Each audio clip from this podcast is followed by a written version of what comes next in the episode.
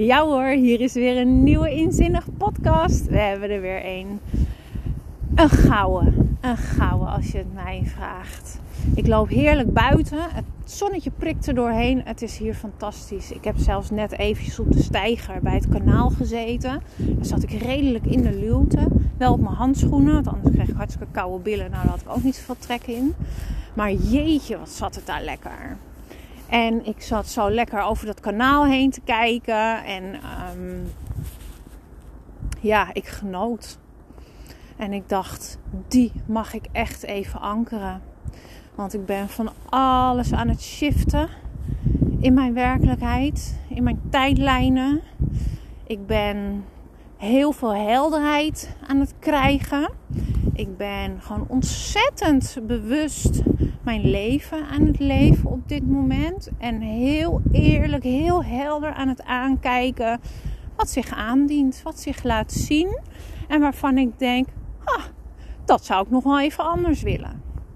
Nou, uh, ja, de helderheid is een hele mooie. Ik denk dat dat de titel van deze podcast ook wel gaat worden. Helderheid. Want hoe meer helder jij krijgt wat jouw manier van handelen is, des te makkelijker kun jij ook die shift maken naar wat jij eigenlijk wil. En ik zal hem even heel concreet pakken, want ik kom daar natuurlijk niet zomaar op. Wat ik vanmorgen uh, ja, weer heb ervaren. En het was zo mooi. Het was zo duidelijk. En dat heeft dus alles met die helderheid te maken. Um, ik had vanmorgen mijn coachcall. En um, mijn dochter, die, uh, die zat in de, in de kamer. En ik vroeg haar van nou, lieve schatmama, die heeft zo meteen de coachcall. Ga jij zo lekker naar buiten of naar boven? En dan uh, hè, kan ik hier gewoon even mijn ding doen. En ze zeggen, nou, ik wil eigenlijk gewoon, um, ik wil eigenlijk graag hier blijven. En dan doe ik mijn koptelefoon wel op. En ik, ik hoef niks te zeggen hoor, mama. Dan, uh, ik hoef niet uh, met de coachschool. Nou, ik begreep haar in de eerste instantie niet. Maar waar het dus op neerkwam, ze wilde gewoon lekker bij mij zijn. In dezelfde ruimte. En uh, met de koptelefoon op of wat dan ook. Lekker de eigen ding doen. En ze liet mij ook vrij om gewoon dan rustig met, met mijn mentor het gesprek te kunnen voeren. Om dat uh, lekker te kunnen doen. Maar ik zei: Nee, schat, ik wil gewoon even lekker alleen hier beneden zijn. En uh, dus jij mag echt even boven gaan zitten. En in de onderlaag voelde ik al. Ik hoop dat jullie niet te veel last van de wind hebben, overigens. Want er staat best een beetje een windje. Dus ik, ik draai mijn telefoon ook een beetje. En dan hoop ik dat je er niet te veel last van hebt. Dat zou in dit geval wel heel jammer zijn. Um, ik heb in de laatste weken, ik ben, ik ben uh, begin januari heb ik mij ook ingeschreven voor nog een andere training. En um, ik dacht, ja, dat is een, een, een 30-daagse. En ik dacht, ja, weet je, hier wil ik gewoon alles uithalen wat erin zit. Ik ga er vol voor. Ik laat me niet afleiden van drie keer een opdracht doen en dan verslapt het weer, want ik heb geen tijd. Of het kost zoveel tijd en dat heb ik niet. En, of allemaal andere ego-shizzle, allemaal foefjes van mijn ego om mij dat maar niet te laten doen. Ik dacht, nee, dat gaan we niet doen. Dus ik heb hier al even naartoe gewerkt. En ik heb onbewust, bewust en onbewust, heb ik ruimte om me heen gecreëerd. Letterlijk, maar ook figuurlijk. En ik heb eigenlijk mijn gezin heb ik al een beetje uit mijn veld geplaatst. Van ik ga dit doen. Ik heb deze maand helemaal voor mezelf nodig. Heel veel tijd voor mezelf nodig. Want ik ga all in. En jullie even pas op de plaats. Dat heb ik onbewust gedaan. Hè? En um, nou het is heel bijzonder. Want mijn mentor die kon mijn gezin eigenlijk al, ook al niet helemaal waarnemen in mijn veld. Dus ze noemde dat ook op. En ik dacht, shit, ja, dat is dus wat ik heb gedaan. Ik heb mijzelf hier alleen in deze ruimte nu ook neergezet. En ik voelde al dat, dat mijn dochter dat vroeg van... Hé, hey, dat, klopt, het matcht niet helemaal met wat ik zeg. Van ik wil dat je naar boven gaat, want dan kan ik hier alleen zitten. Maar ik ben er verder niet op doorgegaan. De ego die nam het over. Zei nee, je gaat maar naar boven, ik zit hier. Ik heb die beslissing gemaakt, dus klaar. Maar eigenlijk, want waar ben ik dus ook mee bezig? Ik ben ook heel veel aan het schrijven over um, meer in verbinding zijn met mezelf in de eerste plaats. En van daaruit in verbinding zijn met mijn gezin, meer verbinding binnen mijn gezin met elkaar en ook weer met alle andere mensen om mij heen. Maar ik voelde hem niet en ik pakte hem niet. En het gebeurde ook niet echt. Omdat, ja, ik heb dus ergens in mijn frequentie, mijn gezin, eventjes, eventjes in de, zal ik dat, even op de pauzeknop gezet. Zo kan ik het wel noemen. Ik heb ze een beetje aan de zijkant neergezet. En dat kwam vanmorgen met, de, met mijn uh, mentor, het gesprek met mijn mentor, zo mooi naar voren. En dat is iets wat ik eigenlijk mijn hele leven al doe. Ik zet mezelf ergens alleen neer. Ik doe iets. Ik wil iets heel graag, maar ik doe het wel alleen. Ja, waarom? Dat, dat gaat nog veel verder. Daar gaat deze podcast nu ook niet over. Dat maakt ook verder niet uit. Maar het is wel iets wat ik eigenlijk mijn hele leven al doe. Als ik terugga naar de eerste zeven jaar van mijn leven. En in die eerste zeven jaar van ons leven is er een, een, een, een speciale um, hersenfrequentie actief. Dat is ook alleen maar in die eerste zeven jaar. In die eerste zeven jaar worden wij als het ware een soort van gevormd.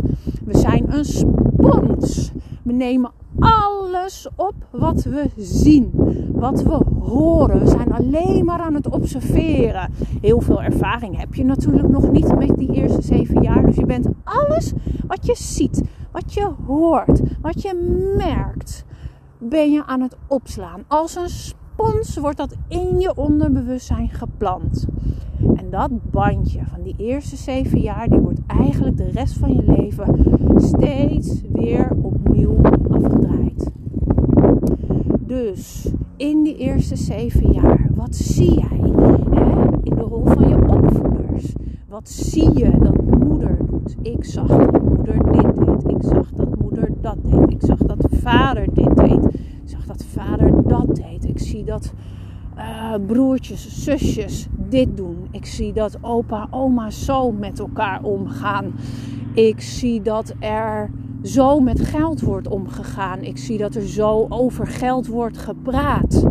Uh, dit is de rol van mijn juf of meester op de kleuterschool of op de basisschool geweest.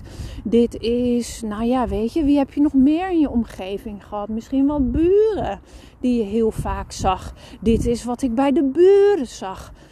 Um, noem het maar op. En dat zie je heel veel terug in de rest van je leven. En ik, als ik terugkijk naar mijn eerste zeven jaar, wat ik kan herinneren, dat ga ik nog wel even checken of dat inderdaad zo klopt bij mijn ouders, maar dat ik toch wel heel veel alleen was. Ik had wel wat vriendjes en vriendinnetjes, maar ik was ook heel veel alleen omdat ik vaak toch niet helemaal die aansluiting kon vinden.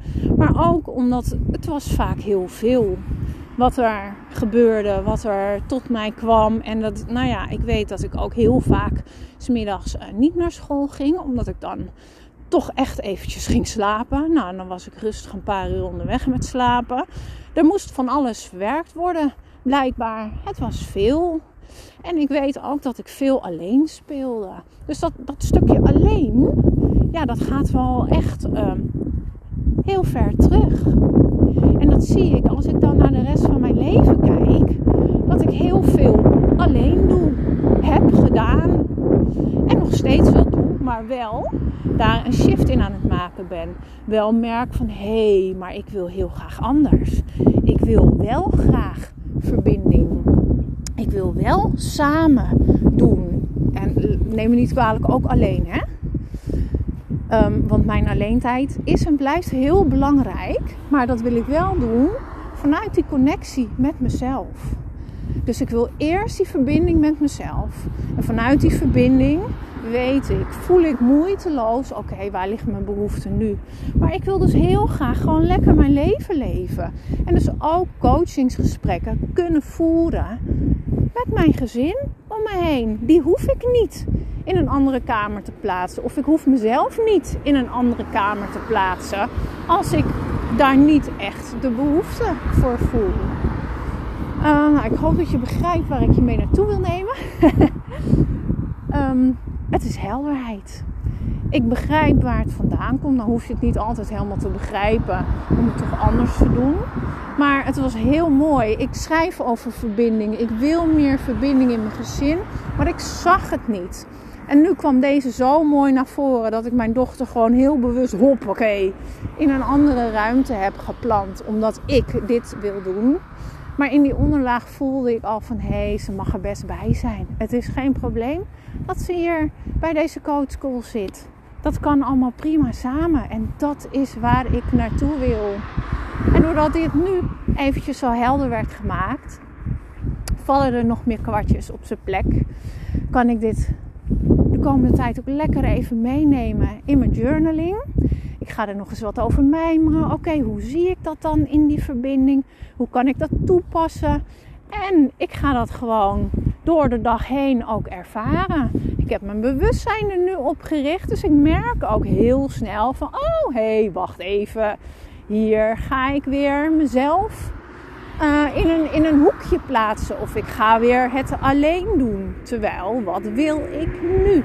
En dan kan ik weer even opnieuw de connectie met mezelf maken en even opnieuw kiezen. Wat wil ik nu? Nou, deze wilde ik heel graag even met jullie delen. En um, ik ben weer aan het eind van mijn wandeling. Dat heb ik weer helemaal goed uitgekiend. Ik ga lekker naar huis. Ik ga naar mijn lieve gezin. En uh, het is vrijdag. Ik wens jullie voor nu een fantastisch mooi weekend. En maak er weer een heerlijke, inzinnige dag van.